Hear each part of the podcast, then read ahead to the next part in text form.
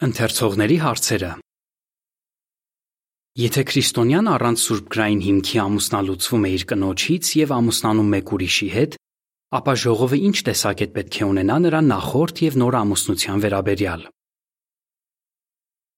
Նշված պարագայում տղամարդու վերամուսնանալուց հետո ժողովը այդ անհատի նախորդ ամուսնությունը կհամարի ավարտված, իսկ նոր ամուսնությունը վավեր։ Այս եզրահանգման հիմքերը հասկանալու համար ուշադրություն դարձնենք, թե ինչ ասաց Հիսուսը ամուսնալուծության եւ վերամուսնանալու մասին։ Մատթեոս 19:9-ում Հիսուսը նշեց, թե որն է ամուսնալուծության սուրբգրային միակ հիմքը։ Նա ասաց. Ով իր կնոջից բաժանվում է առանց բորնկության պատճառի եւ ուրիշի հետ է ամուսնանում, շնություն է գործում։ Հիսուսի խոսքերից տեսնում ենք, որ առաջին ամուսնալուծվելու սուրբգրային միակ հիմքը սեռական ամբարոյությունն է։ Եվ երկրորդ, այն տղամարդը, ով իր կնոջից բաժանվում է առանց սուրբգրային հիմքի եւ ուրիշի հետ է ամուսնանում, շնություն է գործում։ Ծանոթագրություն. Այս հոդվածում կհամարենք, որ շնություն գործած կողակիցը տղամարդն է, իսկ անմեղ կողակիցը կինը։ Հարկ է նշել, որ այս խորհուրդը հավասարապես վերաբերում է թե տղամարդկանց, թե կանանց, ինչպես երևում է Հիսուսի խոսքերից արձանագրված Մարկոս 10-ի 11 եւ 12 համարներում։ Ծանոթագրության ավարտ։ Արդյոք Հիսուսի խոսքերը նշանակում են, որ այն տղամարդը, ով սեռական ամբարոյություն է գործել եւ ամուսնալուծվել է իր կնոջից,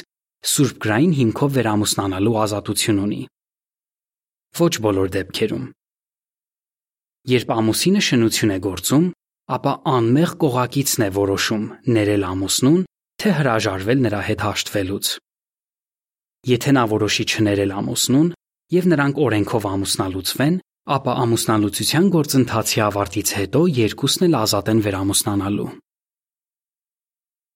Մյուս կողմից, սակայն, անմեղ կողակիցը գուցե սրտանց ցանկանում է պահպանել ամուսնությունը եւ պատրաստ է ներել ամուսնուն, Իսկ եթե շնություն գործած ամուսինը հրաժարվում է հաշտվել իր կնոջ հետ եւ միակողմանի դիմումի հիման վրա ամուսնալուծվում է, քանի որ կինը պատրաստ է ներելու ամուսնուն եւ պահպանելու ամուսնությունը, ապա ամուսինը սուրբգրային հիմքով վերամուսնանալու ազատություն չունի։ Ոստի եթե նա շարունակում է իր հակասուրբգրային վարքագիծը եւ ճանենալով Աստվածաշնչյան հիմք, ամուսնանում է մեկ ուրիշի հետ, ապա կրկին շնություն է գործում ինչը պահանջում է, որ ժողովը նորից իրավական քայլեր ձեռնարկի նրա նկատմամբ։ Երբ տղամարդը, ով սուրբգրային հիմքով ազատ չէ վերամուսնանալու, ամուսնանում է, ժողովը ինչ տեսակետ պետք է ունենա նրա նախորդ եւ նոր ամուսնության վերաբերյալ։ Արդյոք նախորդ ամուսնությունը Աստվածաշնչի տեսանկյունից շարունակում է ուժի մեջ մնալ։ Արդյոք անմեղ կողակիցը դեռ կարող է որոշել ներել նախկին ամուսնուն, թե հրաժարվել նրա հետ հաշտվելուց։ Արդյոք նոր ամուսնությունը կհամարվի շնությամբ ամուսնություն։ Նախկինում ժողովը նոր ամուսնությունը համարում էր շնությամբ ամուսնություն այնքան ժամանակ, քանի դեռ անմեղ կողակիցը ողջ էր, չէր ամուսնացել ուրիշի հետ կամ սեռական ամբարոյություն չէր գործել։ Սակայն ամուսնալուծության եւ վերամուսնանալու հարցի վերաբերյալ խոսելիս Հիսուսը անմեղ կողակցի մասին չհիշատակեց։ Նա պարզապես բացատրեց, որ եթե տղամարդը ամուսնալուծվում է առանց սուրբգրային հիմք ունենալու եւ ամուսնանում է մեկ այլ անհատի հետ, շնություն է գործում։ Այս դեպքում ամուսնալուծությունը եւ վերամուսնությունը, ինչը Հիսուսի խոսքերով հավասար է շնության, վերջ է դնում նախորդ ամուսնությանը։ Երբ ամուսնալուծության եւ վերամուսնության արդյունքում վերջ է դրվում ամուսնությանը, անմեղ կողակիցը այլևս հնարավորություն չունի որոշելու ներել ամուսնուն թե հրաժարվել հաշտվելուց։ Այսպիսով նման դժվար որոշում կայացնելու բեռը ներել ամուսնուն թե ոչ, այլևս կնոջ ուսերին չէ։ Բացի այդ, նոր ամուսնության վերաբերյալ ժողովի տեսակետը կախված չէ նրանից, թե արդյոք անմեղ կողակիցը մահացել է, վերամուսնացել է, թե սեռական անբարոյություն է գործել։ Ծանոթագրություն Սրանով ճշգրտվում է նախկինում ունեցած մեր տեսակետը, ըստ որի նման ամուսնությունը համարվում էր շնությամբ ամուսնություն, քանի դեռ անմեղ կողակիցը ողջ էր, չէր ամուսնացել կամ սեռական անբարոյություն չէր գործել։ Ծանոթագրության ավարտ։ Վերոնշյալ օրինակում ամուսինը շնություն էր գործել,